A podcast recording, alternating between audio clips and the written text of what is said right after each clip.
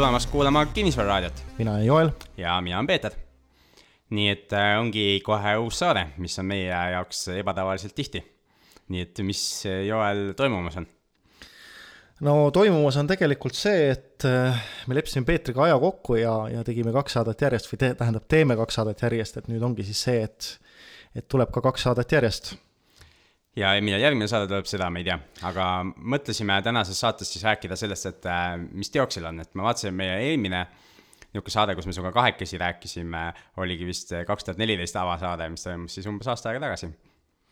jah, ja, ja, kaks tuhat neliteist aasta algus oli, oli noh, vähemalt minu jaoks isiklikult oli, tähendas seda, et hästi, hästi tormine aeg oli mööda saanud minu elus ja, ja, ja nii-öelda mitmes mõttes uus algus, et, et ma ei tea, noh, me võime lühidalt sellest ka rääkida, aga aga põhimõtteliselt jah, et minul oli siin viimase kahe aasta jooksul on toimunud see, et ma sisenesin eh, restoraniärisse, väljusin restoraniärist, eh, vahetasin töökohta, vahetasin perekonna staatust ja vahetasin elukohta ehk siis nagu absoluutselt kõike, mida vahetada saab. ainult, ainuke nagu püsiv asi, mis oli, et äh, lapsed, kes, kes mul olid, on mul endiselt, aga, aga kõik muu praktiliselt muutus, et, et niisugune väga, väga suur muutus ja tänane päev on, on kõik hästi ja ma olen oma uue eluga väga rahul jah, ja, ja, ja see võib-olla oli ka põhjuseks ju, miks me ei saanud siin nagu iganädalaselt neid saateid jätkata sellel, sellel vahepealsel perioodil, et et mina endale ei ole igaks juhuks selgeks hakanud tegema, kuidas see saate lindistamine käib ja Joeli elus olid suured, suured muutused käimas. aga kinnisvara valdkonnas on ka muutused toimunud, nii sinu kui, kui minu elus, et kuidas sul seal äh, läinud on ja siis ma räägin natuke endast tegevusest ka. no minul on niimoodi, et, et noh, siis kui mul oli see tormiline aeg ja, ja olin seal restoraniäris, mis, mis siis sisuliselt lõppes, noh, see ei olnud pankrott, eks ole, aga see oli lihtsalt äh, äri likvideerimine. ja võlad jäid üles, eks ju? ja osad võlad jäid, osad said likvideeritud, eks ole, et noh, mina isiklikult eh, kaotasin kõige rohkem. ja see oligi minu jaoks õppetund, aga, aga põhimõtteliselt siis eh, ma pidin osad minu kinnisvarainvesteeringud likvideerima, et lihtsalt seda restorani siis eh, viimastel meetritel elus hoida ja, ja noh. ja sellest ei piisanud? nojah, tänane päev, eks ole, ma vaatan, et tegelikult see oli viga, et oleks pidanud juba palju varem nii-öelda ära lõpetama ja mitte punnitama, sest sisuliselt noh, kui me nüüd nagu summadest räägime, siis ikkagi ikkagi kümneid tuhandeid igakuiselt pidin peale maksma, et seda elus hoida, eks ole, ja, ja noh, tagantjärgi vaadates noh, tegelikult ma nägin küll, et sellel mõtet ei olnud, aga eks ikkagi inimesel on. oh, ma mäletan seda lootust ja, ja emotsiooni sinu silmades sel ajal ja, ja ma mäletan, ma ise, ise ka seal lõpus veel ütlesin, et kuule, saada nad kõik kuu peale ma mõtlen neid, neid viimaseid töötajaid, kes sul seal olid ja tahtsid mingisugust raha saada. jah, sest äh, lõppude lõpuks läksime ikkagi töövaidluskomisjoni, eks ole. jah, ja is-, kuigi sa isegi oma rahast veel panid sinna juurde, eks ju, vastu no,, vastu minu soovitusele jah, jah. aga noh, see selleks, see on nüüd äh, möödas ja, ja, ja nüüd ma olen nii-öelda sise, tulnud tagasi kinnisvaraärisse ja ja tänane päev siis minu see kinnisvaraportfell, mida ma haldan, on suurem kui kunagi varem ja mis on nagu muutunud fundamentaalselt võrreldes sellega, mis ma enne tegin, oli see, et äh, nüüd mul on partnerid, kellega ma seda teen ja, ja põhimõtteliselt sisuliselt, mida ma teen, on äh, haldan äh, kinnisvarafondi, mis ei ole õige fond, eks ole, et äh, fond on Finantsinspektsioonis ära defineeritud, mis asi see fond on, aga põhimõtteliselt mm -hmm. kinnisvaraportfelli, kus on siis investorite raha ja minu enda raha ka. ja miks ma seda teen, on see, et mina olen õppinud, et ma suudan palju kiiremini areneda ja laieneda, kui ma teen kellegiga koos, võrreldes sellega, et ma teen ise ja kasutades pangalaenu. kui palju sa oma ajast sellele pühendad, sest sul on vist äh, nii-öelda päevatöö ka mul, endiselt olemas? jah, mul on päevatöö, et ma olen äh, IT-alas olen endiselt sees, kui palju ma äh, panen, ma arvan, ma keskmiselt võib-olla, kui me nädala lõikes vaatame, siis keskmiselt võib-olla mingisugune kolmveerand tundi päevas ma pühendan selle kinnisvara äh,, kinnisvaraga tegelemisele ja investoritega tegelemisele. okei okay., see ongi väga, väga suur.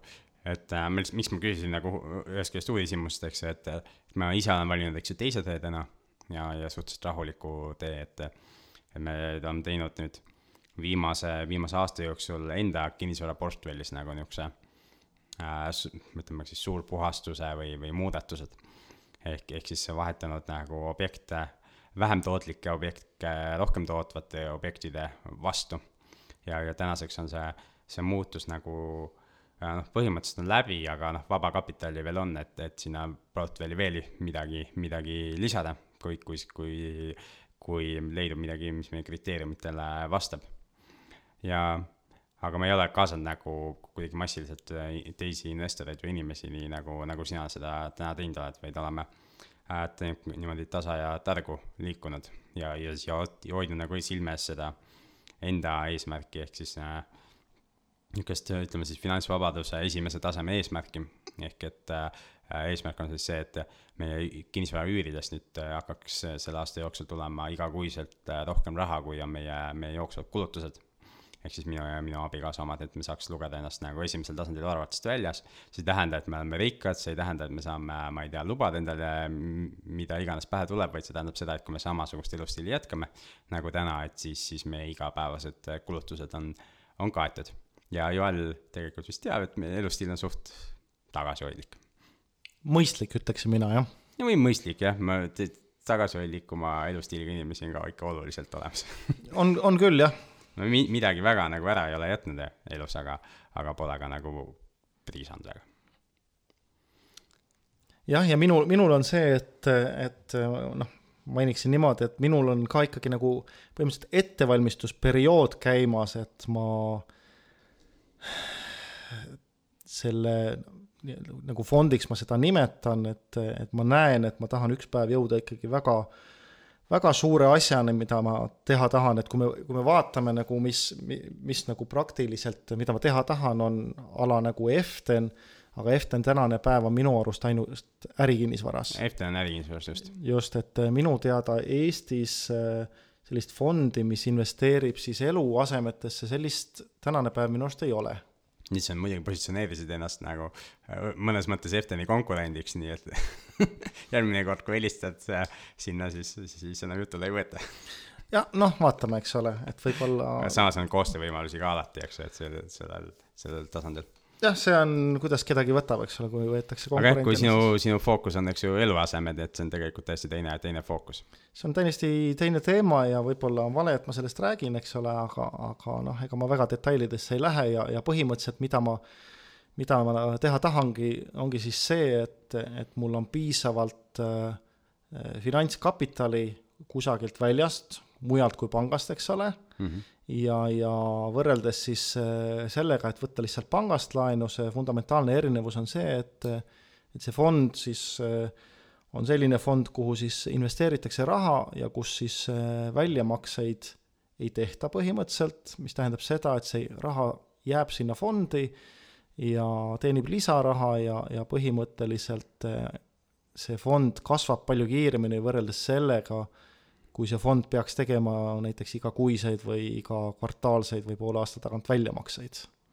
just, ehk siis kogu, kõik objektid, eks ju, genereerivad raha, aga see raha läheb uutesse objektidesse. just, just et äh, väga mõistlik ja, ja et oleks selguse huvides ka öeldud, et äh, me ei oota, et keegi Kinnisvararaadio saate, saate kuulajatest nüüd hakkaks Joolile helistama ja, ja oma raha pakkuma, sellepärast et seda tänasel, tänasel hetkel seda vaja ei ole, eks ju, kui me ei räägi just summadest äh, sada tuhat pluss, eks ju, väiksemate summadega ei ole. jah, ja, ja, tegelikult ja isegi siis arvatavasti tuleb eitav vastus. tõenäoliselt jah, sellepärast et ma väga hoolikalt valin, keda ma sinna võtan ja, ja, ja. see, see väikse korteri projekt kümne, kümne kaasosanikuga vist andis esimesed õppetunnid kätte. no see andis õppetunnid ja, ja ei noh, tegelikult see oli väga positiivne asi, et minu arust see oli, see oli õige asi, mida teha, sellepärast et inimene väikestest asjadest õpib palju kiiremini, odavamalt, kui eks ole, hakata suuri asju tegema. aga noh, tulles tagasi sinna fondi juurde, siis noh, investorid või inimesed, kellega ma tahan tegeleda, on ikkagi sellised, kellel on raha ikkagi palju üle ja mm -hmm. kelle kontaktivõrgus leidub nagu väga väga sellise kõrge profiiliga tegijaid, et, et noh. ja neid sa oled leidnud ka, eks ju, et see ei ole lihtsalt enam unistus, eks ju, et sellepärast ma mäletan, me rääkisime sellest ka päris mitu aastat tagasi, eks ju, aga esialgu ta oli unistus eks ju, siis ta on üks nüüd mõnda aega on ta, eks ju, olnud paari inimesega äh, reaalsus, eks ju, sellise inimesega ja nüüd, nüüd ta on jõudmas siis mingi aja pärast järgmisele tasandile lihtsalt. jah, ja, ja ongi niimoodi, eks ole, et kuna ma tean, mis on minu oskused ja samas ma tean, kus on minu limiidid, siis et, et areneda kiiremini edasi, ma palusin siis mentoriks ühe inimese, kes on ise umbes saja miljoni euro suurust fondi hallanud ja mm, -hmm. ja mhm. see ongi minu jaoks nagu selline ütleme, järgmisele tasemele jõudmine on, see inimene aitab mind, eks ole, mõttetöös ja, ja selle reaalse töö ikkagi teen mina endiselt ära, eks ole, aga, mul on siis inimene, kes nagu teab, mida on vaja, et see fond siis äh, viia nagu järgmisele tasemele. et ise, ise leiutades oleks väga raske seda teha -hmm.. okei uh,, ma ei tea, räägin endast ka midagi no,. muidugi. Et uh, mis me siis te tegime, oli see, et äh, me müüsime ära enda äh, kahetoalised korterid, mis me siin ostsime kaks tuhat kümme, kaks tuhat üksteist. ja, ja päris huvitav oli müüa, et me otsustasime, et me ei kasuta maaklerite abi. et kuigi me siin mineviku saadetes oleme ka rääkinud, et, et maaklerid on, on vajalikud ja, ja, ja nendest on palju kasu, aga me otsustasime teha seda müüki kiiresti, aga ikkagi mõistliku hinnaga ja, ja, ja, ja ilma maaklerita ja, ja mis, see õpetas meile nagu väga-väga palju ja, ja, ja see õp-, eesmärk oli õppimine, et see ei olnud see äh, mingi rahasääst ei olnud siin eesmärk. vaid eesmärk oli õppimine just selle koha pealt, et kui me oleme olnud ostjad kogu aeg, et nüüd me olime nagu müüja poole peal. ja me tahtsime teada, et mida need ostjad nagu vaatavad ja mida nad hindavad. ja, ja me saime sealt nagu väärtuslikku informatsiooni ja kogemust, mida, mida siis järgmisel ringil kasutada. Et kui me peaks kunagi uuesti hakkama niisuguseid kahetoalisi kortereid ostma järgmise majanduslanguse ajal, et siis, siis meil on nagu oluliselt parem ettekujutus, et mis nende korteritega peaks tegema. ja, ja noh, ja eks see oli, kohati oli valus see, sellepärast et inimesed, kui nad tulevad ju ostma, eks ju, siis, siis nad teevad etteheiteid, eks ju, ja need on põhjendatud etteheited, aga, aga enda jaoks võib-olla oled enne maha müünud, et ah, see ei ole nii suur asi või, või see ei ole nii oluline, aga nüüd tegelikult siis oli ikkagi noh, ikkagi otse öeldi sulle, et kuule, nii, see ja see asi ei sobi või see ja see asi on takistuseks, et, et, et seda asja siin, siin osta üldse. ja kuna me need korterid, kaks tuhat kümme, üksteist ostetud korterid, ainult üks oli nagu renoveeritud ja see ka kellegi teise poolt kunagi, eks ju. Ja teised olid niisugused, kus me ise midagi tegime või ei teinud siis üldse midagi, siis see näitas nagu kätega, et, et väga raske on niisuguseid asju müüa ma kut-, oleks olnud nagu täiesti renoveeritud korterid, oleks kindlasti lihtsam olnud müüa. aga me ei näinud nagu seda mõtet ka, et sinna äh, korterisse nagu kaheksa tuhat sisse panna ja, ja siis võib-olla kümme tuhat rohkem müügihinnast saada, aga võib-olla ka mitte. et samas see oleks venitanud selle perioodi nagu mingisugune noh, ma ei tea, kaua see renoveerimine aega oleks võtnud, eks ju, meil ehitaja äh,, ehitusmeeskond on olemas, eks ju, aga neil on ka muud teha, nad ei oleks saanud kõike korraga ette võtta et siis võib-olla ikkagi mingi neli kuud oleks võib-olla pidanud arvestama selleks, et renoveerimise ajaks ja ei oleks saanud siis nagu müüma hakata. et nüüd me saime tegelikult müüma hakata neid natuke enne, kui sealt üürnikud välja kolisid ja, ja siis jätkata seda, seda, seda müüki siis, kui see korter juba tühi oli. Ja me otsustasime müüa kõiki kortereid ja näidata neid alles siis, kui nad on tühjad, mitte siis, kui üürnik veel seal sees elab, mis ühest küljest oli nagu põhjendatud ja õige, aga samas kohati tundus, et andis ka tagasilööke, sellepärast et et ühes korteris päris mitu inimest tulid sinna ja ütlesid, et nad ei tunne, et see on nagu kodune. ja ta ei tundunud kodune enam sellepärast, et sealt oli välja kolitud ja seal oli see minimaalne mööbel sees. eks ju, ja, ja ma ei tea, mis iganes seal veel oli, valetavitapeedid ja nii edasi, eks ju, et tegelikult investorina meie jaoks jumala ükskõik, jumala väikesed asjad, jumala lihtsasti lahendatavad asjad, aga, aga need, kes mõtlesid ikkagi koduks osta, nende jaoks nagu väga olulised asjad. See on tegelikult, eks ole, ongi, ongi, tulebki selleni, et äh, ostes investorina on sul ükskõik, mis seal sees on, sest sa kujundad selle enda järgi, aga see no nende sa... esimeste puhul me ei kujundanud nagu enda järgi, et need me mm, -hmm. see üks, üks õppetund võib-olla oligi, see viga oligi see, et me ei teinud kapitaalremonti kohe, et kui me järgmine ring peaksime ostma, siis äh, ükski korter ei jääks nagu see, sellele kujule, mis seal on, vaid, vaid kõigis tuleks teha see kapitaalremont ära. aga nüüd siis tulles selle sinu olukorra juurde, siis kui sa müüd, eks ole, siis tõenäoliselt äh, nii-öelda üürikorteriks tehtud korter äh, kasutab ikkagi teistsuguseid lahendusi kui koduks ehitatud korter. nii ja naa, et ma võib-olla väikeste puhul mitte, aga suurte puhul, eks ole, kindlasti. aga need, mis ma järgmine kord teistmoodi võib-olla teeks, ongi see, et ma teeks nad ikkagi äh, selleks nii-öelda ostes ja siis renoveeriks nad ära kohe niimoodi nagu müügi eesmärgil renoveeriks ära ja mm -hmm. siis üüriks nagu mm -hmm. selle, selle, laseks turul teha ka oma töö, et oma lisaväärtus veel turu kasvult nagu saada mm. -hmm. et äh, täna me nagu neid seda ei olnud teinud okay.. aga huvitav veel võib-olla sellest müükidest rääkides oli see, et me müüsime nelja korterit siis äh, suhteliselt äh, lühikese aja jooksul, tegelikult niisuguse kuuekuulise perioodi jooksul. ja, ja kaks nendest ostsid investorid ja kaks ostsid siis koduostjad. okei okay., ma isegi nägin kusagil Facebooki mingisuguses kinnisvaraportaalis oli, oli Peetri korterit pakuti üürida. siis ma küsisin Peetri käest, et kas see oli sinu oma siis, jah, oli küll. Et jah, kaks tükki nendest osteti välja üürimiseks ja, ja need üüriti välja ja üürid on muidugi meeletult kasvanud, eks ju, et, et nende uute üüridega, millega järgmised omanikud välja üürisid, oleks meie tootlus ka nagu hüppeliselt kasvanud. aga te, me olime ammu juba otsustanud, et me hoiame neid äh, kortereid. jah, nad toovad rahavoogu, aga see rahavoog oli, oli suhteliselt sümboolne. sellepärast, et enamus läks sellest pangalaenu makseks ja et meil oligi nagu eesmärk hoida neid äh, nii mm, või proovida ajastada võimalikult turu tippu nagu näiteks see müügihetk. Ja ja, ja võib-olla me natukene kiirustasime ja turutipp pole päris käes, et eh, eelmine kord, kui ma müüsin kaks tuhat seitse, siis, siis ma müüsin natuke peale tippu ja, ja, ja, ja noh, ja seal pidi nagu hinnaga alla tulema.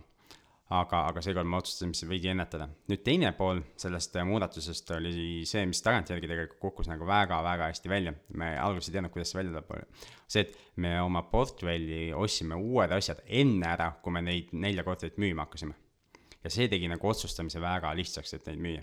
siis muidu me olime ka kahe vahel, kas müüa või mitte müüa, sellepärast et müüd ära, siis on raha kontol, no mis sa rahaga peale hakkad, eks ju.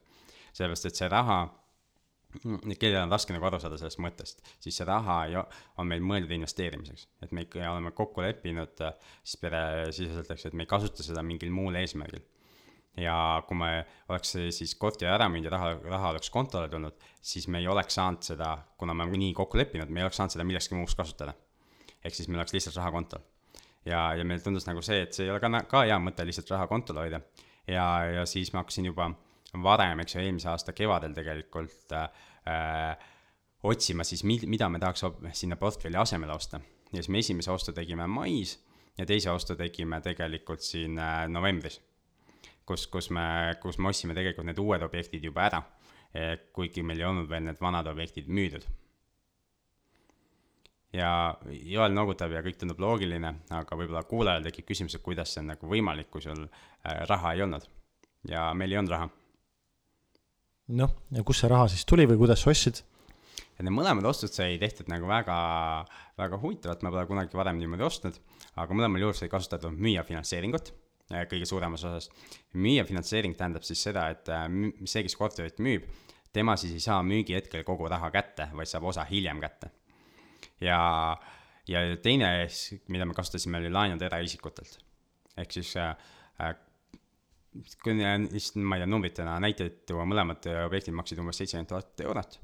ühel juhul äh, soovis müüja saada viisteist tuhat kätte kohe ja, ja ülejäänud osa on mul tegelikult tänase päevani veel talle maksmata, see, see aprilli keskel me maksame selle nüüd ära. ja, ja teine müüja soovis rohkem, soovis vist kolmkümmend viis kätte saada kohe ja kolmkümmend viis jäi hilisem, hilisemaks ja, ja, ja kust see laenuraha tuli, et, et selle ühele korterile oli vaja siis kolmkümmend viis juurde, et, et see asi ära osta ja renoveerida. ja see tuli ühelt eraisikult kolmkümmend viis tuhat ja teisel oli siis vaja kuuskümmend selle jaoks.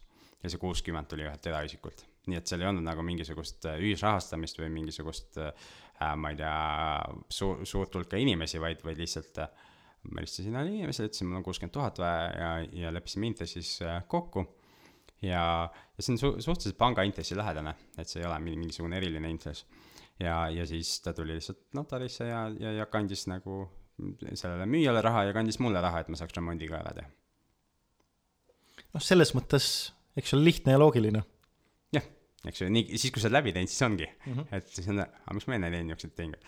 aga, aga kui sa ei ole kunagi läbi teinud, siis sulle võib tekkida nagu küsimus, et miks peaks keegi nõus olema niisuguste asjadega ja nii edasi. no lõppude lõpuks, miks keegi nõus oli, on väga lihtne, sellepärast et need inimesed usaldavad sind. jah, et see, see oli suur osa sellest asjast, eks ju, ja, ja nad tahtsid müüa, eks ju, mõlemal olid oma põhjused, miks nad müüa, müüa neid asju äh, tahtsid. ja, ja kui, kui rääkida põhjustest, siis üks läks lihtsalt Eestist ära ja, ja tal oli hea meel, kui, kui see asi toimub kiiremini. ja, ja, ja teine lihtsalt soovis äh, müüa niimoodi, et ta ei pea kuhugi kuulutust välja panema. ta soovis lihtsalt äh, lahkuda majast äh, niimoodi, et, et äh, keegi ei tea, et ta müüb seal midagi, vaid et ta lihtsalt üks päev kolib välja ja kõik. ja see mulle nagu väga, väga sobis ja siis mina ütlesin lihtsalt oma tingimused ette, et olla seal tehingu teisel poolel. ja ma tagasin ka mõlema jaoks need, see, need laenud ja eraisikute jaoks see kolmekümne viie tuhande eurone laen, see küll ei olnud tagatud, sellepärast et inimene ei viitsinud notarisse tulla. ja, ja, ja ma ütlesin nagu, et saad sa aru, et see on sinu jaoks väga riskantne, eks ju, et kui mina ei käitu nii, nagu me kokku leppinud oleme, et siis sul on väga raske seda raha tagasi saada. ja ju hullemal juhul sa võid kõigest ilma jääda ja siis ta äh, Äh, et, ütles, et tema jaoks on see okei okay,, kuna ta, ma ei tea, usaldab mind, eks ju. ma mõtlesin, et okei okay,, et pime usaldus, aga ise tead, eks ju ja, ja, ja tõesti niisugune vestlus leidis aset, eks ju, et me enamasti, kui keegi tahab laenu saada, siis kui minu käest ka keegi küsib laenu, siis ta räägib mulle vastupidist juttu, eks ju, ta räägib mulle kõike seda, lubab kokku igasugu asju, eks ju. et ma ei tea, mina olen nagu laenu tavaliselt saanud siis, kui ma olen just nagu öelnud, et, et kõik riskid nagu inimestele öelnud ja, ja, ja siis küsin, et oled sa kindel, eks ju. ja inimesed ütlevad, et okei okay,, need asjad neid ei hirmuta näiteks, eks ju. või mõni tõesti võib-olla ütleb, et hirmutabki ja siis, siis ei olegi mõtet temaga tehingut teha, eks ju ja te- ja teine, kes, eks ju, kuuskümmend tuhat sai tema kasuks sai hüpoteegid seatud.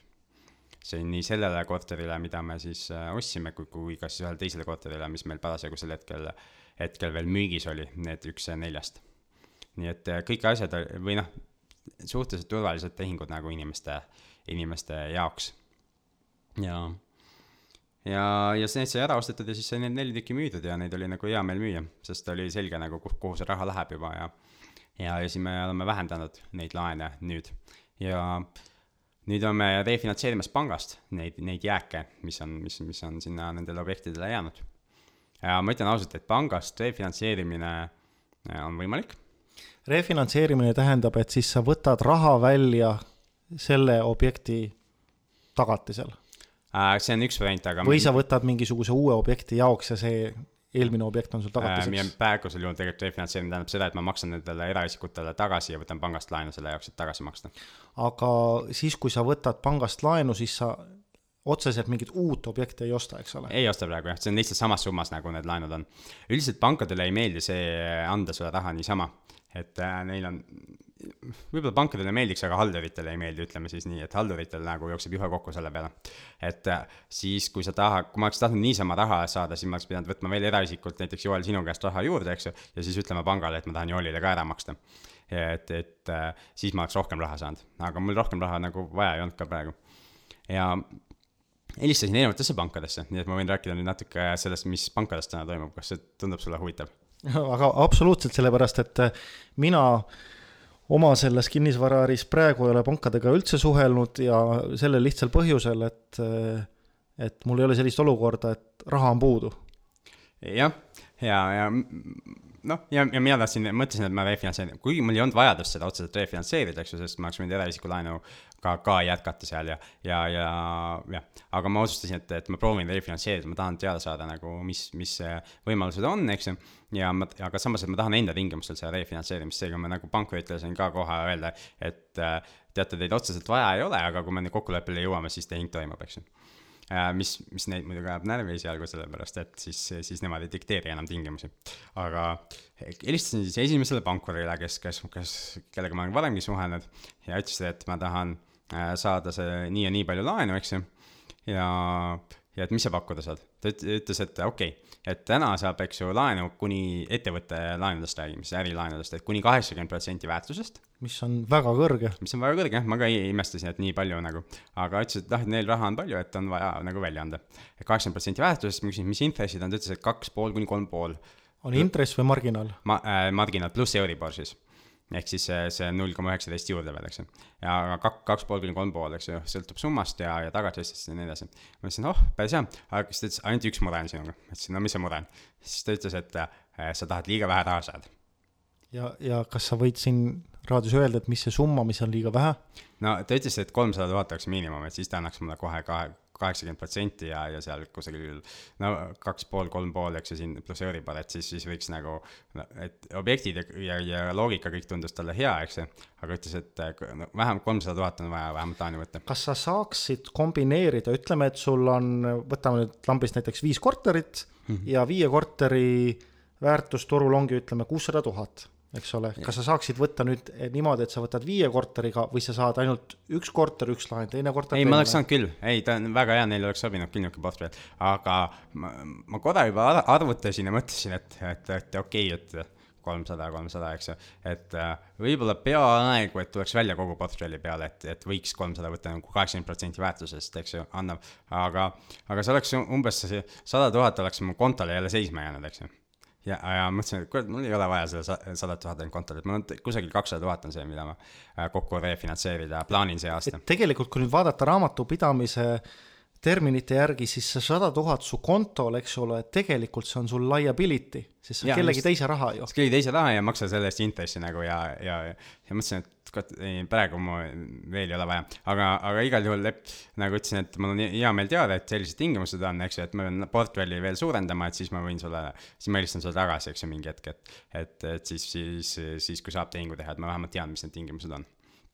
ja siis ma helistasin mm, veel ühte panka, äh, SEB panka helistasin ja SEB pangast sai muidugi selgeks see, et nemad endiselt ei taha kinnisvara tagasi laenu anda. üldse?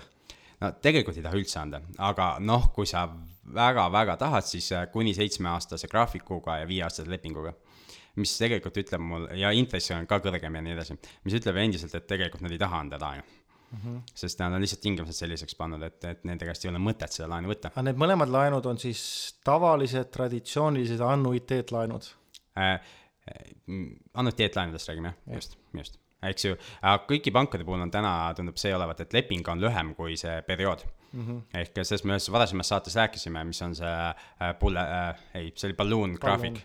eks ju, et lõppu jääb nagu mingi, mingi suurem summa maksta või siis tuleb uuesti refinantseerida mm. -hmm. aga viieaastaseid lepinguid on pangad täna valmis Eestis tegema mis muidugi lääneriikides on ennekuulmatu, eks ju, et, et nii lühikese perioodiga laenudega üldse mingeid kinnisvaratehinguid tehakse.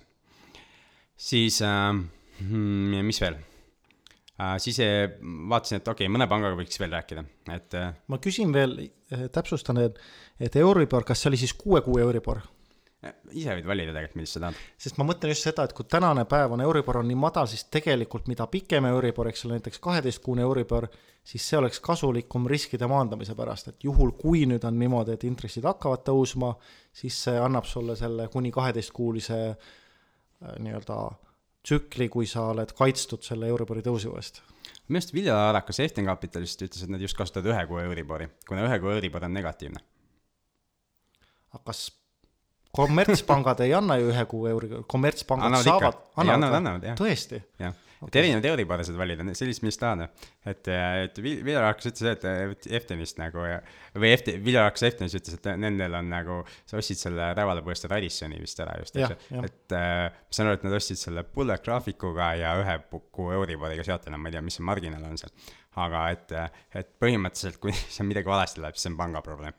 jah, no see tähendab seda, et siis äh, Eftenil peab olema võimalus suhteliselt kiirelt see vahetada ümber mõne teise äh, Euribori vastu juhal, kui läheb tõusma. ja, ja neil on piisavalt palju kapitali ka, oma kapitali, eks ju, et see ei ole mm. tegelikult probleem mm -hmm.. väikeinvestorina kindlasti ei tasu niisuguse jutuga panka minna. et, et niisugust, niisugust asja küsima. aga, aga jah, et see võib olla nagu ma ei mäleta, kas see oli ka tema või keegi ütles, et tal oli nagu error, et vaatas oma seda panga graafikut, eks äh,, graafikut ja seal on nagu intress on negatiivne, ehk siis nagu pank maksab sulle peaaegu, no marginaal on ka, aga, aga põhimõtteliselt see Euribori osa on negatiivne, eks ju, et, et sa saad selle eest raha, et sa laenu võtaksid mm. -hmm vot, ja siis äh, otsisin veel panku, eks ju, et sellepärast, et noh, esimene ütles, et ma tahan liiga vähe raha, eks ju, see oli iseenesest nagu hea uudis, aga teisest küljest see ei aidanud mind edasi. teine pank ütles, et nad ikka ei taha veel kinnisvara tagasi laenu anda ja SEB on mu kodupank kogu aeg olnud, eks ju, et, et selles suhtes ma olen neist suht pettunud, aga aga noh, mis siis teha, siis ma uurisin uurisin, et okei okay,, et keda ma tean nagu äh, normaalset haldurit Swedbankis, et Swedbankiga pole ka, või noh, pole seal nagu aktiivselt äh, majandanud, aga aga, aga on vaja normaalset haldurit nagu igas pangas, eks ju. ja, ja, ja siis kasutasin äh, kontakte, mis mul olid ja, ja siis sain lõpuks ühe halduri. ja, ja lõpuks ja nemad olid nagu valmis siis, siis kokku kokkuleppele jõudma. ja nad pakkusid äh, ja aga samas ma nüüd teadsin juba, mida küsida nende käest, sellepärast ma teadsin, et kolm pool on maksimum, mida tasub maksta pangale marginaali, eks ju. et nad alguses küsisid mu käest rohkem eks ju, Swedbank küsis rohkem, ma mõtlesin, et kuulge, et teate ise ka, et turul nagu nii palju ei maksa keegi teile, eks ju. siis sa ütlesid, et okei okay,, okei okay,, et, et, et, et siis teeme siis selle, mis, mis sinu info on, eks ju. ja, ja noh, üks tingimus neil oli, et ma arveldused tooksin sinna panka, aga noh, see ei ole probleem, ma niikuinii plaanisin arveldused siis ka sinna viia, kus see laen on. Aga, ja, ja siis valisin kuue kuu Euribori sinna. teine teema oli periood et äh, mind huvitas võimalikult pikk periood. Joel, ma ei tea, äkki sa pakud, mis võiks olla maksimaalne periood, mida, mida siis on võimalik täna, täna saada? firmana või eraisikuna? firmana ikka, ma eraisikuna ei tee midagi. no ma ei oska öelda, võib-olla kümme või? kümme on olnud jah, niisugune klassikaline nagu mida, mida enamus pangad pakuvad, välja arvatud siis SEB, kes ei suuda isegi seda pakkuda. aga äh, mina küsisin nagu, et okei okay,, et äh, vali ise üks number sealt viieteist ja kahekümne viie vahelt aga see nagu ei mahtunud haldurile väga, väga, väga pähe ja siis ta käis komisjonis ära ja ta päris selle num-, vahemikuga ei tulnud tagasi. aga kaksteist sai meie lõplikuks nagu niisuguseks äh, aastaarvuks, mille peale see graafik siis tekkis. noh, ja mis sellest võib järeldada, on see, et, et osad pangad on, on nõus kauplema jah, ja, ja, ja muidugi noh, neil oli ka küsimus, no mis sa tahad nii pikka laenu, eks ju, üldse, ma ütlesin, et, et äh, ma soovin teile pakkuda nagu võima-, võimalikult head või ma soovin teile võimalikult head niisugust teenimisvõimalust pakkuda, et ma ei, ma nagu väga ei saa aru, miks teie huvi peaks olema lühemat. kindel klient pikaks perioodiks. ma tulen kui... kindlaks kliendiks pikaks perioodiks ja maksan teile hea meelega võimalikult palju intressi. sest meie kinnisvarainvestorina ju võtaksime ka hea meelega sellise kliendi, kes teeb näiteks kümneaastase lepingu. ja ärivaldkonnas niimoodi tehaksegi, eks ole jah, no leping tuli ikka viieaastane, selles mm -hmm. suhtes, et äh, pankadel on täna, tegelikult nad saavad aru, et kinnisvaraturu langus on tulemas, see näitab ka need viieaastased lepingud ja nad tahavad ümber hinnata seda portfelli. Nad tahavad võimalust, et äh, nad viie aasta pärast ütlevad sulle, et, et äh, otsi see raha nüüd välja. ja, ja, ja me ei pikenda rohkem seda. et nad tahavad nagu seda võimalust saa- ja säilitada endale ja sest äh, muidu Swedbank äh, tegi ka ikka kümneseid lepinguid, aga täna nad äh, ei, ei, ei olnud huvitatud nagu sellest, tahavad ka viieseid teha. ehk tundub, et nagu kõik saavad aru, et, et see, et meil käib see nende toolide mäng, eks ju, kus toole võetakse kogu aeg vähemaks. ja, ja mingi, mingi hetk nagu see muusika jääb ka seisma. et ja siis jah, see laenuleping sai allkirjastatud nüüd ja, ja nüüd on notari aega veel vaja, vaja oodata. notariga venib sellepärast, et see ük, üks eraisik, eks ju, kes mulle selle korteri müüs, eks ju, et kuna ta kolis Eestist ära, et siis me peame, peame ootama nüüd, kuni ta Eestisse tuleb, et notarisse tulla. okei okay,, ja ta, ta ilmselt ei tajunud, et võiks kedagi volitada seda tehingut no notariaalset volitust tal tehtud ei ole ja meil otseselt kiiret, kiiret ka ei ole, eks ju mm -hmm.. et kuna see on nullintressiga, eks ju, tema poolt, siis mul ka otseselt kiiret ei ole, eks ju mm -hmm., meil on lihtsalt nüüd kindlus olemas, et et see raha on olemas, et temale laen tagastada äh, ja, ja, ja siis läheb, läheb see asi nagu edasi mm. -hmm aga mida, mida veel pank tahtis tegelikult näha, eks ju, äh, mille, millega väikeinvestoritel võib, võib raskus olla, ta tahtis näha, et seal ettevõttes oleks mingeid muud tulusid veel. ja, ja sellepärast mul on olemas siin noh, aega, kaheksa aastat tagasi sai tehtud ka raamatupidamisfirma ja raamatupidamisfirma ainuke eesmärk on see, et pakkuda pankadele südamerahu. ehk siis selles samas ettevõttes on siis meie osa raamatupidamistegevus ka, ehk seal on igakuised laekumised siis millestki muust kui, kui üürist.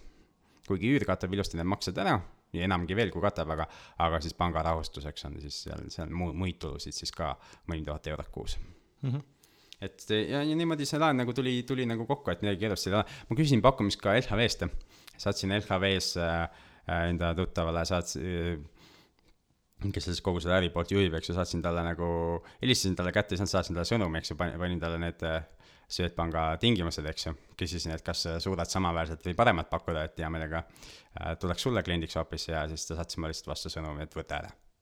see, mis sealt pakuti, et nemad ei suuda nagu sellega konkureerida täna mm. -hmm. aga leping on nagu selles suhtes karmim, kui ma olen nagu siiamaani näinud, eks ju, ma olen Citadele pangas olnud äh, laenud äh, siiamaani.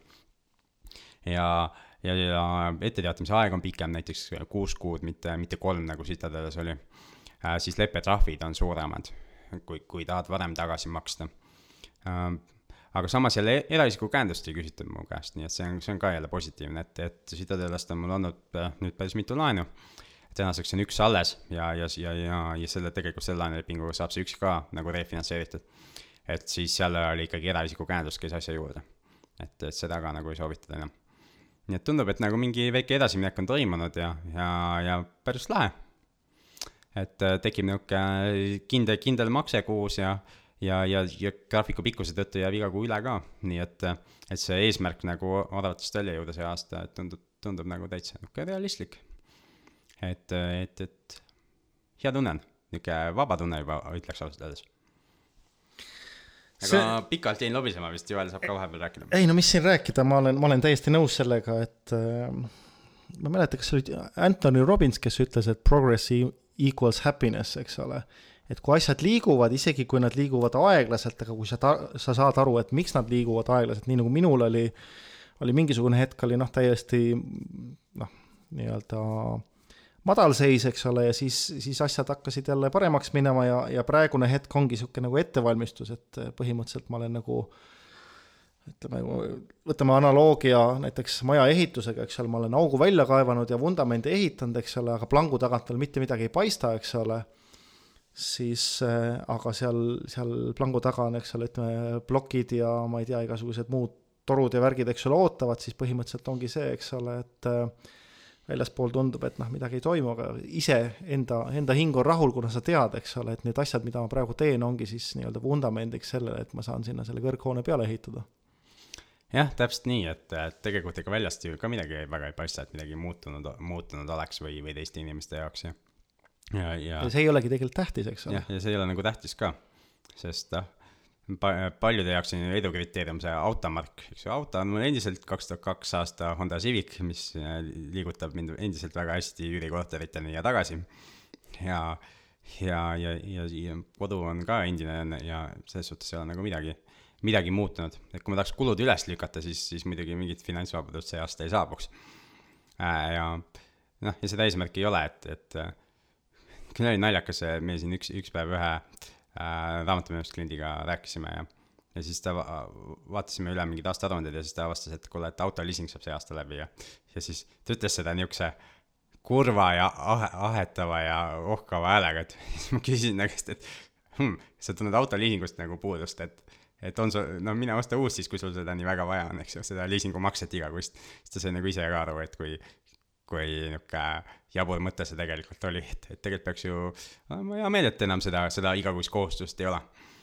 aga jah, et me oleme vahest nagu nii harjunud sellega, et, et meilt iga kuu mingisugune osa sissetulekutest läheb, ma ei tea, autoliisingu või, või, või mingisuguste muude väljaminekute peale, et me ei, ei suudagi nagu ilma elada enam. et kui üks liising hakkab otsa saama, siis tahaks kohe uut jah, minul oli ka see, et äh, tänu sellele suurele muudatusele elus, eks ole, täna, tänane hetk just mul nagu eraisikuna mingisuguseid äh, kohustusi nagu panga ees ei ole ja, ja, ja niisugune tunne on ka vahepeal päris mõnus, eks ole, kui sa vaatad, eks ole, et mingisuguseid kohustusi igakuiseid väljamakseid ei ole, aga noh, fakt on see, et et, et kui nüüd puhtalt matemaatiliselt arvutada, siis kinnisvaras enamus juhtudel, eks ole, see võimendus annab nagu positiivset mõju. aga nagu ma ütlesin, et see, mida mina ehitan, seal esialgu pangavõimendust ei ole vaja, siis äh, pole nagu mõtet seda ka peale hankida, et seal lihtsalt mingisugune hetk tuleb vaadata see portfell üle, et millal, millal tasub pangas see refinantseering teha. jah, ja see ei tohiks olla probleem tegelikult, et see, ma arvan, et et sa lihtsalt näitad oma see portfelli, näitad seda rahavoogu, eks ju, ehk seda üüritulu ja, ja, ja sa paned pankurid omavahel konkureerima, kes parema pakkumise teeb ja siis kasutad seda, kes teeb parema pakkumise, võib-olla ka nad, nemad tahavad sündikaattehingut teha, et kamba peale tahavad nagu seda pakkumist teha, miks mitte. jah, sest äh, minu jaoks, eks ole, see portfell, mis seal praegu on, on täiesti laenuvaba ja, ja panga nagu vaatevinklist, äh, kui sinna võtta näiteks viiskümmend protsenti või isegi nelikümmend protsenti laenu peale, siis seal on see nii-öelda turvalisuse puhver on ikkagi väga-väga suur, millega ma suudan nagu pangale siis näidata, et, et isegi kui turg, eks ole, muutub, siis, siis tema äh, nii-öelda see võimendu-, või võimendus või see risk on, eks ole, ikkagi selles mõttes väga madal. jah, ja ma ei tea, mis muud muutunud on, et üürime siin välja neid pindasid, mis meil on, eks ju. noh, mina isiklikult olen nagu väga, väga hästi pannud tähele, kuidas hinnad on üles läinud just tänu sellele, et mul on siin äh, mingisugused äh, objektid, mis on kesklinnas ja on täpselt samas majas, äh, samasuguseid korterid on müüdud ja, ja üks korter, mis ma ostsin kaks tuhat kaksteist, tänane päev, täpselt samasugune korter. Äh, ma ostsin kaheksakümne viiega, tänane päev samasugune korter on müügis saja kolmekümne viie tuhandega. viiskümmend tuhat kallimalt. just, ja siis oli üks korter, mis ma ostsin eelmine, eelmine oktoober ja käisin vaatamas kaks nädalat tagasi täpselt samasugust korterit samal korrusel kõrval trepikojas ja nende hinnavahe oli siis äh, kolmkümmend viis tuhat ja on möödas neli kuud, neli kuud. neli kuud, jah. ehk siis äh, nagu mingist kohast ma saan aru, et hinnad tõusevad või sa, sinu ostutehing lihtsalt oli hea. ma arvan, et äh, nii ühte kui teist, et ma ikkagi see, mis ma ostsin oktoobris, see oli enam-vähem nagu turuhinnaga Mm. et lihtsalt on äh, nii palju on nii kiiresti on üle kuumenenud ja inimesed, eks ole, inimesed, kes müüvad oma kodu, mõtlevad, et see ongi normaalne, et hinnad on nii kõ- kõrgel. aga, aga noh, eks nad äh, aga see, see on see küsimisindeks ja sellega ju ostjat ei ole veel. ei, ei ole, sellepärast et äh, see, mis see ei ole oli, loogiline ka, et päris nii kiiresti need hinnad tõusevad või ei loomulikult, sellepärast et kui sul on korter, eks ole, neli kuud müügis sama hinnaga, noh, see näitab, et see ei ole õige hind. just. Et äh, selles suhtes tulebki vastuolulist informatsiooni, et kui sa kuulajana mõtled ka, et äh, alles me rääkisime, et hinnad langevad, nüüd räägime, et hinnad tõusevad. see ongi vastuoluline, sest äh, muutused on eri suundades, erinevates hoonetes. ja, ja see, et küsimishinnad on kasvanud, ei tähenda, et keegi ostaks neid selle hinnaga. nii et äh, hu- huvitav aeg, segane aeg. tasub, tasub vaadata ka statistikat, eks ole, pindi, pindi.ee lehelt näeb analüüse ja, ja seal on siis ka kirjas, eks ole, mis on, mis on need küsimushinnad, mis on reaalsed hinnad, reaalsed tehinguhinnad tulevad Maa-ametist, et sealt saab ise ka vaadata Mm -hmm. et äh, seda nagu tasub jälgida, sellepärast et, et äh, kui sa lähed mingisugust korterit vaatama ja on mingisugune hind, siis sa võidki reaalselt tegelikult öelda seal, kui sa korterit vaatad, eks ole, et noh, et ma vaatasin selles piirkonnas äh, keskmised ruuduhinnad on see ja see ja kui sellel müüjal on, ma ei tea, kakskümmend, kolmkümmend protsenti kõrgem, eks ole, siis tegelikult äh, on väga hea ta nii-öelda maa peale tagasi tuua, eks ole. ja aga nad ei pruugi kuulata, vaata buumi tingimustes on alati see, see et asi, et kõik usuvad, et, et äh, küll see naiivne loll äh, tuleb, kes maksab seda kõrgemat hinda, eks ju. ja osadel neist läheb õnneks ja osadel ei lähe. et, et see selles suhtes läbirääkimisteks tegelikult täna ei ole äkki just kõige parem aeg, aga kindlasti on võimalik ikka proovida ikka tasub, aga, aga see ke- keskkond ei soosi nagu läbirääkimisi hinna osas, sest see inf-, inimesed kuulevad ikkagi ainult seda informatsiooni, et hinnad kasvavad, hinnad kasvavad, eks ju. kui, kui isegi, kui mõnes piirkonnas näitab statistika hinnalangust, siis seda ignoreeritakse lihtsalt. ja, ja, ja selles suhtes on jah, nagu huvitav aeg, aga, aga investorina ei tasu nagu pead kaotada, see, et küsitakse rohkem, ei tähenda, et sa maksma pead rohkem. loomulikult ja igal juhul tasub olla ka selles mõttes aktiivne, eks ole, sa teed oma pakkumise, mis tõenäoliselt esimene kord sulle öeldakse ei, kui see objekt on endiselt müügis, eks ole, siis see annab sulle kindluse tunnet, et sa ikkagi pakkusid nii-öelda rohkem õiglast asja, kui mida see inimene küsib, eks ole, sa võid näiteks kahe nädala pärast uuesti helistada, küsida, et kas on midagi muutunud, eks ole mm., minu pakkumine on endiselt jõus ja samas sa näitad, eks ole, et sa oled olemas ja sul on huvi ja võib-olla siis ongi mingisugune hetk see müüja ka- kaotab nii-öelda selle eneseusu või tal tuleb mingisugune paanika peale, eks ole, siis või läheb kiireks millegagi, eks läheb kiireks, eks ole, millega või ta leiab uue kodu, mida ta tahaks osta. just, ja minul ongi näiteks ühe, ühe objektiga on see, et ma tegin selle pakkumise ära, mis oli kõvasti madalam, ma Mhm. tean, et see inimene otsib seda kodu, ta ütles kiiret ei ole, aga sellel hetkel, kui ta selle oma unelmate kodu leiab mm, -hmm. siis tal tuleb kiire. Mhm. ja, kui ta teab, et on keegi, kellel on nii-öelda raha on olemas, on nõus tehingut, eks ole, kiiresti tegema, siis võib olla ka see hetk, et ta helistab tagasi ja ma olengi saavutanud selle, mida ma tahtsin. jah, ja teine asi on see, et see, noh, kes oli majanduslanguse aja- ajal, eks ju, kus me tegime ühe pakkumise, kolmkümmend viis tuhat küsiti ja tegime pakkumise kakskümmend viis tuhat ja kus maakler nagu naeris ja metsa saatis, eks ju. ja samas kuu aega hiljem helistas tagasi ja küsis, et kas te oleksite huvitatud kahekümne viiega selle ostmisest täna mm. -hmm. aga et see tehing peaks toimuma paari päeva jooksul, eks ju. Et noh, tol korral oli rohkem niisuguseid asju, mida täna on vähem, et, et seal oli kohe-kohe täitemenetlus algamas, kui, kui see inimene oma, oma mingi noh, võlgu, võlgu ei vähenda et ära maksta ta niikuinii ei suutnud isegi sellest eh, hinnast, aga, aga ta pidi vähemalt vähendama oma võlgu.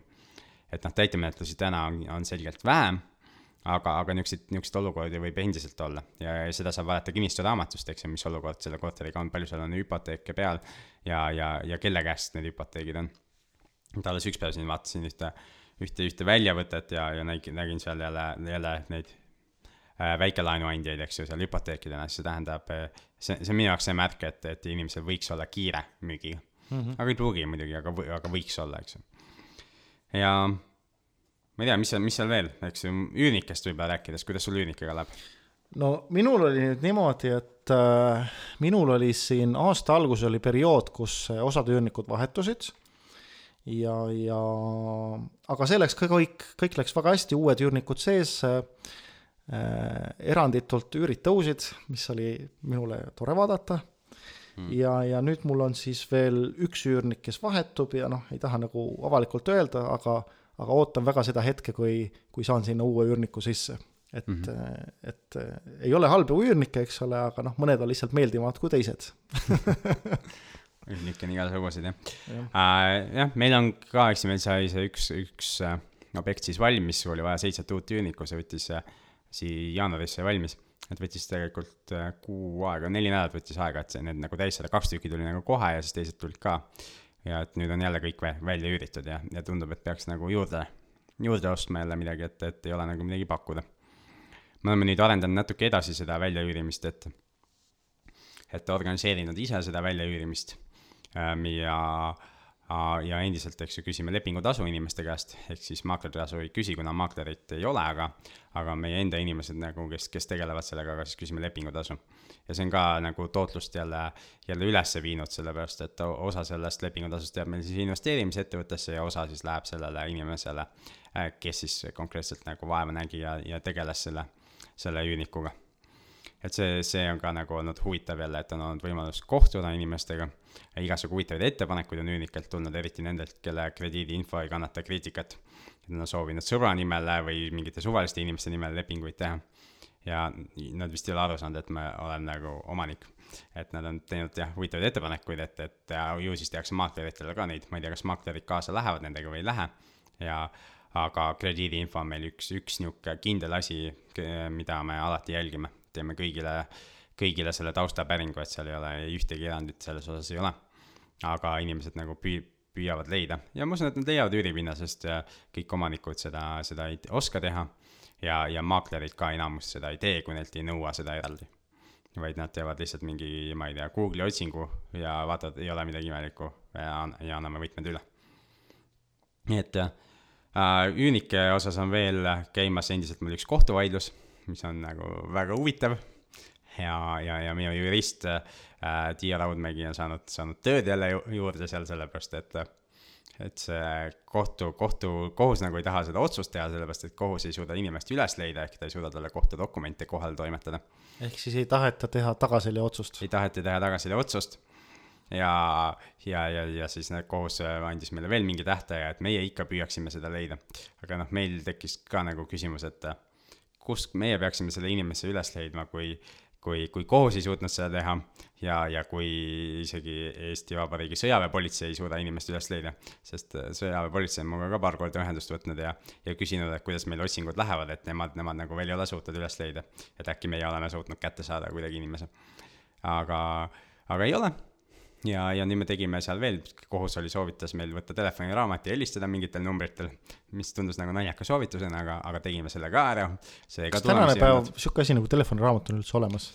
kuule, Inglismaal on jah, et see kodanik siis äh, Facebooki andmetel peaks peitma ennast siis äh, Inglismaal ja Inglismaal on olemas telefoniraamat ja, ja, ja kohus soovitas meil kasutada telefoniraamatut ja helistada äh, tema tööandjatele.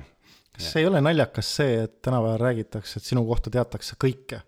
Facebookid ja nutitelefonid ja kõik ja. muud, eks ole, ja siis ei ole ühte inimest võimalik üles leida. just, et see on huvitav, aga tegelikult äh, see õpetab nagu ühte asja ja me räägime nagu detailidest sellest kohtuasjast ka kin-, järgmisel kinnisvarakoolitusel, eks ju, mis kaheksateist, üheksateist aprill tuleb, aga ja, ja, ja, ja Tiia Raudmägi räägib, eks ju, kes jurist, kes sellega on tegelenud, aga aga põhimõtteliselt, kui sa ei taha seadust täita, siis äh,, siis ei saa seadus äh,, seadusandlikud organid ei saa sulle mitte midagi teha ehk kui sina nagu jätad seaduse täitmata, ehk sa jätad nagu need kohtukutsed ja kõik muud asjad vastu võtmata, siis äh, kohus ei, ei taha nagu sinu suhtes ka otsust rakendada.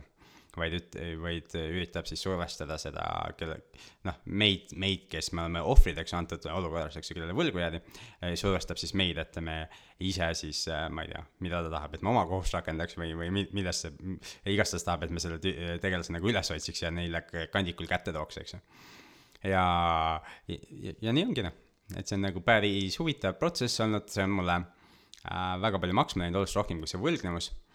aga, ma otsustasin seda nagu ühe korra läbi teha.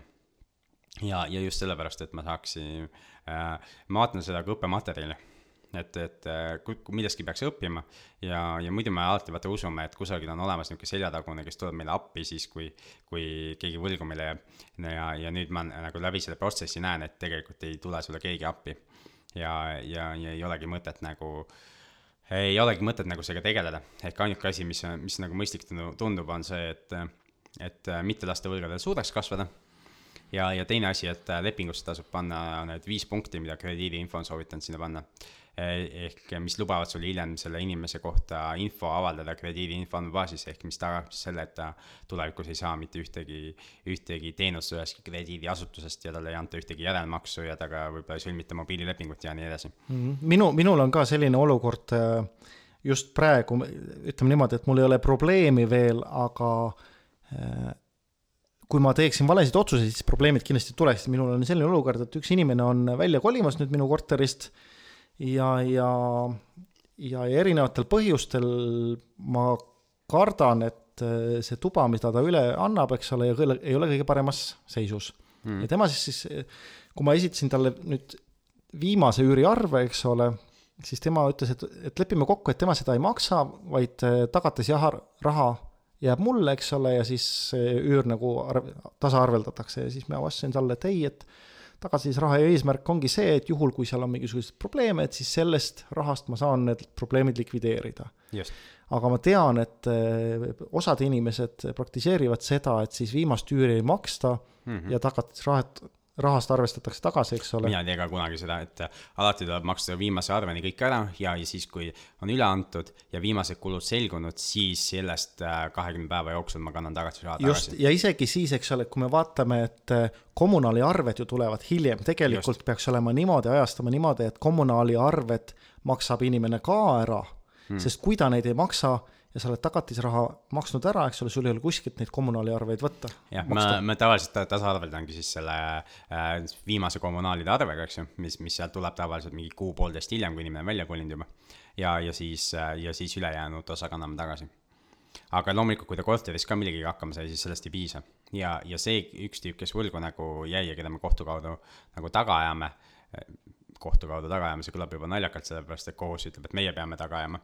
aga, aga see selleks, eks ju, et see, see tüüp tegelikult jättiski viimase siis arve maksmata äh,, mis oli siis äh, see üür ja, ja, ja eelneva kuu ta-, äh, see kommunaalid. ja siis äh, tuli sinna juurde veel järgmise kuu kommunaalid ja loomulikult sellest tagasisaast ei piisanud nende, nende võlgade katteks ja sealt see, sealt see esialgne võlgnemus tekkis mm. -hmm. ja, ja siis sinna juurde tekkisid, eks ju, viivised ja, ja, ja, ja nüüd äh, on tekkinud juurde ju kõikvõimalikud kohtukulud, mis, mis me tahame ka, et kohus talt välja mõistaks, eks ju, ja, ja juristikulud on tekkinud, mida me soovime ka, et talt välja mõistetaks. nii et tema, tema niisugusest äh, ma ei tea, kolmesaja eurosest võlast on saanud tänaseks siis juba võib-olla tuhande eurone võlg.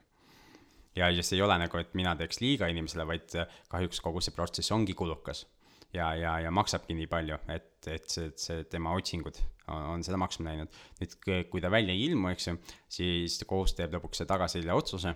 noh, ta oli, kohtul ei jää midagi muud üle, eks ju, ja meie ka ei jäta enne kohust rahule, kui ta selle otsuse on teinud. siis me läheme sellega täituri juurde, nüüd täitur saab, eks ju, selle umbes tuhande eurose nõude täitmiseks siis täitur paneb sinna omakorda oma tasu juurde, ma ei tea, mitusada eurot see on, aga võib-olla siis äh, tuhat kolmsada on see, mida täitur hakkab selle inimese käest nõudma ja täitur te-, nõuab seda vist kümme aastat. ehk siis, kui kümne aasta jooksul sellel inimesel peaks mingisugused tulud või midagi tekkima, siis äh, Eesti Vabariigi pinnal, eks ju, siis, äh, siis talt võetakse see ära. ja, ja samas ehk, ehk teine pool sellest on see, et kui ta äh, ei taha, siis ta ei tule kümne aasta jooksul Eestisse. või ta ei teeni siin raha, eks ju, ja, ja siis sellisel juhul tegelikult meil ei ole võimalik midagi teha. ja, ja, ja me oleme kulutanud siis äh, lihtsalt suure hulga raha lihtsalt selle jaoks, et, et kogu seda menetlust pidada. nii et huvitav. jah, minu arust see on väga nagu imetlusväärne, kuidas sa positiivselt sellesse suhtud, sest enamus inimesed tõenäoliselt oleks väga, väga vihased ja, ja, ja, ja, ja mitte nii positiivsed. selles suhtes ja, ja mi, ma olen alati öelnud nagu, et või alati vähemalt viimased, ma ei tea, mitu aastat, et kõige suurem risk on see, kus on üks üüripind et äh, minul täna üüripind on kakskümmend viis ja, ja, ja see, et ühel pinnal kahekümne viiest oli mingisugune probleem, see nagu, see on suhteliselt väike probleem minu jaoks. et ülejäänud kakskümmend neli nagu toimivad edasi, toodavad edasi raha, et, et see, kui vahepeal ühega mingisugune jama on, et noh, tuleb võtta seda lihtsalt väikese probleemina ja, ja, ja tegeleda sellega ja, ja ütleme ausalt, et ma esimese sammu nagu tegin seal ise ja näg-, jamasin selle maksekäsu kiirmenetlusega, eks ju. aga tagantjärgi võib-olla oleks võinud selle ka kohe juristile anda, et praegu on, temal on nagu hasart, eks ju, et sellega tegeleda, sest ta pole ka nii, nii absurdseid kohtuettekirjutusi ammu näinud äh, ja, ja, ja, ja minul on ka nagu väike, noh, hasart seal, eks, et näha, et mis, mis sellest, millest sellest lõpuks siis saab. ja ma olen alati nagu öelnud, et nagu ma enne juba ütlesin, et, et see on koolitusmaterjal. et äh, nii mulle endale ja aga ka kõigile neile, kes kinnisvarakoolitusel tulevad, et, et äh, ma ei saa jagada nagu koopiaid materjalist, aga ma saan nagu äh, põhimõtteliselt näidata nagu, mida, mida see protsess endaga kaasa toob ja, ja, ja mis võimalused siis veel on, aga aga see põhimõtteliselt teine võimalus on nagu mitte hakata taga ajama sellist väikest võlgnevust ja panna lihtsalt inimene krediidiinfosse üles. krediidiinfosse ülespaneku juures on üks väga oluline aspekt mida, mis minu ja sinu jaoks ei ole üldse probleem, aga kuulaja jaoks võib-olla. sa pead korterit välja üürima ettevõtte alt, sa pead juriidilise isikuna välja, välja üürima seda, siis sa saad krediidiinfosse üles panna andmeid. kui sa üürid välja eraisikuna äh, seda, seda korterit, siis sul ei ole võimalik kusagil registris avaldada seda, et ta sulle võlgu on. sellist registrit ei ole olemas, kus oleks eraisikult eraisikule võlgnemised.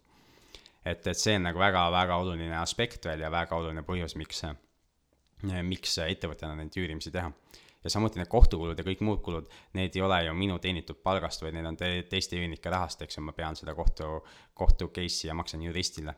ehk need on ka maksueelsest rahast, mitte, mitte pealemakse olevast rahast. ehk et see, et minul on kulunud seal võib-olla mingi, ma ei tea, viissada, kuussada eurot, eks ju, tänaseks päevaks, see siis, siis sinu noh, oleks ka need kulud, aga kui sa oma palgast maksad seda, siis see on nagu, nagu hoopis kulukam tegevus kui, kui minul praegu nii et no palju põhjuseid, miks juriidilise isikuna tegutseda? no igal juhul, sellepärast et äh, isegi meedias nüüd viimase ma arvan, poole aasta jooksul on päris mitu artiklit olnud sellest, eks ole, et äh, inimesed või noh, nii-öelda musta üüritulu, eks ole, mida teha, et kas mingisuguseid maksusoodustusi või mis iganes. aga noh, kui sa üürid välja juriidilise isikuna, siis need teemad üldse ei puuduta sind. täpselt nii, et see pole üldse meie asi nagu ja siis Maksuametile edu, jõudu nende eraisikust üürileandjate tagaajamisel. et äh, loodetavasti konkurents üüriturul väheneb ja üürihinnad saavad veelgi tõusta. jah. aga kas me võtame kuidagi kokku selle vestluse, on sul veel midagi, midagi õpetlikku, tarka lisada, mida meie meie kuulajad võiksid saada või tahame me nendelt mingisugust tagasisidet. me kunagi küsisime küsimusi, loosisime välja asju.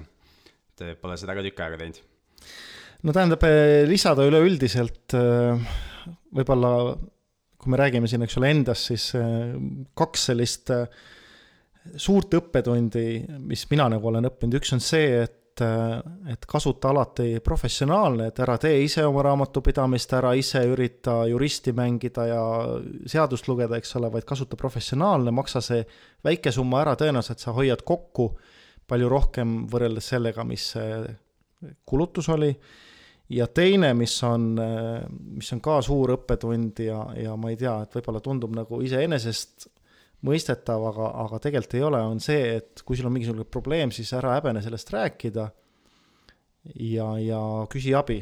sest mida kauem sa selle oma probleemiga ise oled ja, ja oma pead vaevad, siis tõenäoliselt see ka, seda sügavamaks ja suuremaks see mure läheb ja alati leidub keegi, kes naudib sinu probleemiga tegelemist, nagu ma ütlesin, et äh, minu jurist, eks ju, väga naudib sellega tegelemist, eks ju, tal on ka huvitav, eks ju, ja, ja jumala eest nagu las ta tegeleb, et see, et ta mulle aeg-ajalt arveid ka saadab selle kohta, eks ju, noh, see käib asja juurde lihtsalt mm. -hmm. ja samamoodi, eks ole, see nii-öelda see restorani teema, mis mul oli, siis äh, Peeter oli, Peetri firma oli see, kes tegi mulle raamatupidamist äh, algusest peale ja ja noh, kõik, kogu see protsess, mis me läbi käisime, tegelikult oli ju ka sinule suhteliselt selline õpetlik, sest sa ei olnud kunagi sellist protsessi läbi käinud.